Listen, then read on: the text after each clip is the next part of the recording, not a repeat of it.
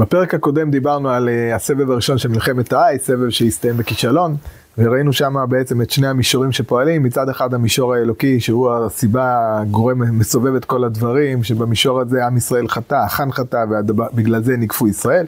ואת המישור האנושי, שהייתה שם יהירות, הייתה שם איזה קצת זלזול באויב, לא צורך בכלל להתאמץ, בלי תחבולה, והדבר הזה גרם בסופו של דבר, במישור האנושי, לכישלון אה, בקרב. ועכשיו אנחנו נמצאים במקום אחר, הקדוש ברוך הוא הסביר ליהושע את סיבת הכישלון, סיבת הכישלון זה בגלל אחר, הלקיחה מן החרם, הפגם הרוחני, הדתי, המעשי שקיים בתוך, אה, בתוך אה, עם ישראל, ועכשיו הרגו את אחן והמיתו אותו, שמו עליו גל אבנים גדול, ועכשיו אנחנו נמצאים לקראת הסבב השני של מלחמת האי.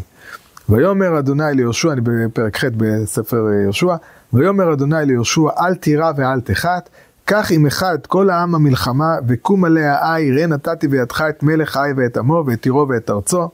ועשית לי ולמלכה, כאשר עשית ליריחו למלכה, רק שללה ובהמתה תבוזו לכם. שים לך עורב לעיר מאחריה. אם כן, יש פה ציווי של השם. ציווי השם כולל כמה דברים. דבר ראשון, אל תירא ואל תחת. יש פה איזושהי אמירה מאוד מאוד חשובה, לבוא ועכשיו ללכת לאותו מקום שבו אתה נכשלת, לצאת לשוב למלחמה על אותו דבר, אחרי שצרובה, ב, ב, ראינו בפרק הקודם כמה צרובה בעם ישראל התחוש, תחושת הכישלון, וימץ לבב העם ויהי למים, כאילו תחושה נוראית, ועכשיו צריך לקום מתוך, התנערי מעפר קומי, לקום מתוך הדברים האלה, וללכת להילחם, זה דבר בכלל מאוד לא פשוט, ולכן הקדוש ברוך הוא מצווה את יהושע, אל תירא ואל תחת, קח עמך את כל העם למלחמה. אנחנו עכשיו פה לא אלפיים, לא שלושת אלפים, אנחנו עכשיו מה שנקרא הולכים כולן, כולם ביחד, ביחד ננצח. והולכים לאי, גם הקדוש ברוך הוא אומר ליהושע איך לעשות את התחבולה. עכשיו אני חוזר לדברים שאנחנו דיברנו פעם שעברה, נזכיר אותם.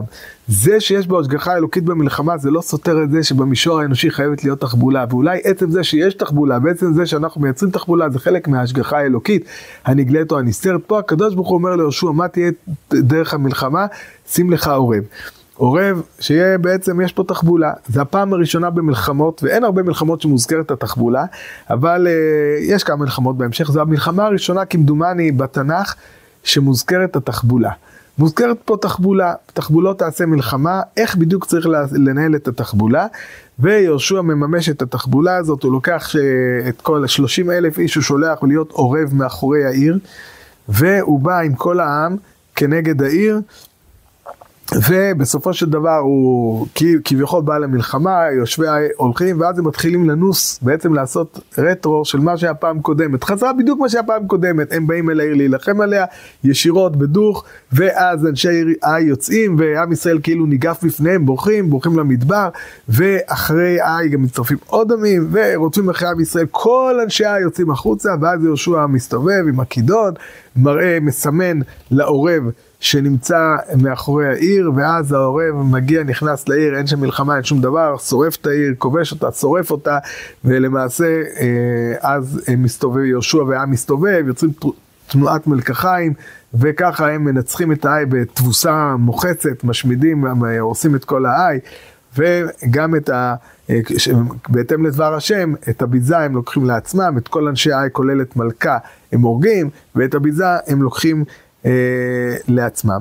זה בעצם סיפור, הסיפור של המלחמה הזאת, וכאמור במלחמה הזאת אנחנו רואים, חוזרים בדיוק על היסוד שאנחנו דיברנו. אנחנו כל הזמן נמצאים במתח הזה, אם הקדוש ברוך הוא נלחם את המלחמות, למה צריך תחבולה? למה צריך את התחבולה? אם הקדוש ברוך הוא נלחם את מלחמותם, אז קדימה באים אולי, שהחומות שוב יפלו, ויגרסו ויהרגו את, את אנשי האי וינצחו את אנשי האי, וגם אם החומות לא יפלו, אז ייכנסו וינצחו את אנשי האי. למה אנחנו צריכים את התחבולה? ושוב, כל הזמן אנחנו צריכים לזכור את הדברים האלה. יש פה שני מישורים.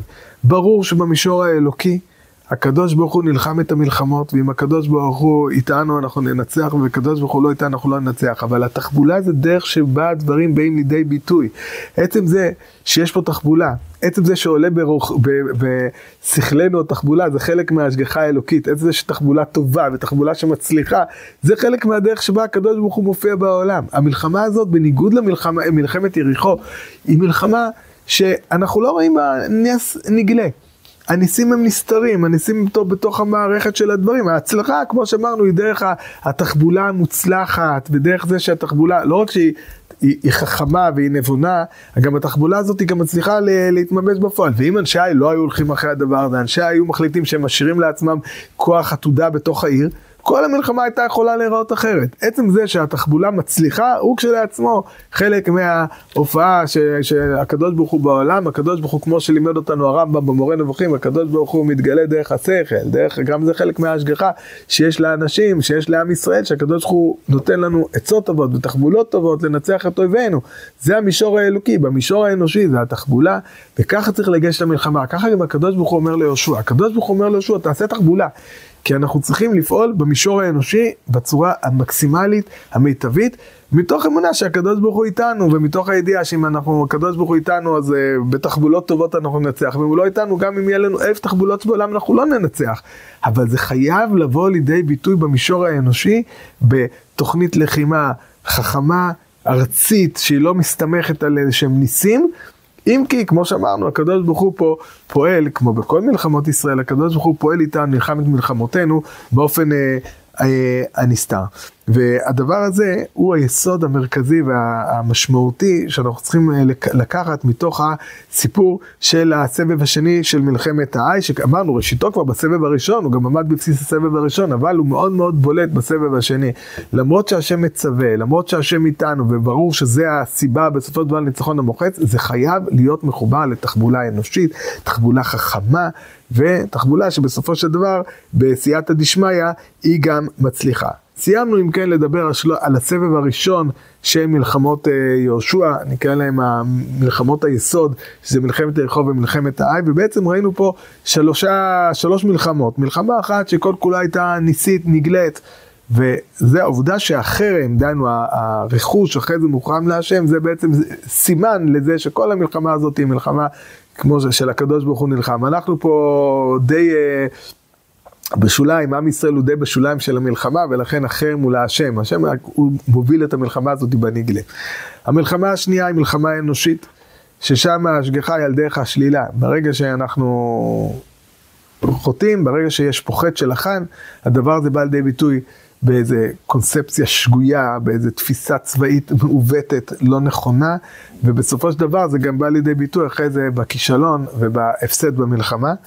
והמלחמה השלישית שהיא מצד אחד היא אנושית לחלוטין, לא היה פה שום נס שקרה בנגלה, המלחמה הייתה מלחמה, מלחמה לכל דבר, אבל ברור שהמלחמה הזאת, היא, השם מופיע שם, וזה בא לידי ביטוי בתחבולה המוצלחת, ואחד מהביטויים של זה שהיא מלחמה אנושית, שהשם בא בנסתר ולא בנגלה, היא באה לידי ביטוי בעובדה שהחרם הוא לעם.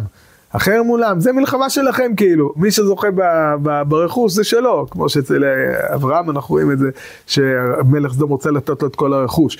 כאילו מי שמנצח במלחמה, הרכוש שלו, כאן זה מלחמה, אתם ניצחתם בה, הקדוש ברוך הוא עמכם, הקדוש ברוך הוא מופיע שם בכל, אה, מופיע בכל מלחמות, אבל בסופו של דבר מלחמה שלכם, הרכוש שלכם, אבל את האנשים אתם צריכים לשמור, לשמור על ציווי התורה ולהשמיד, לא להשאיר.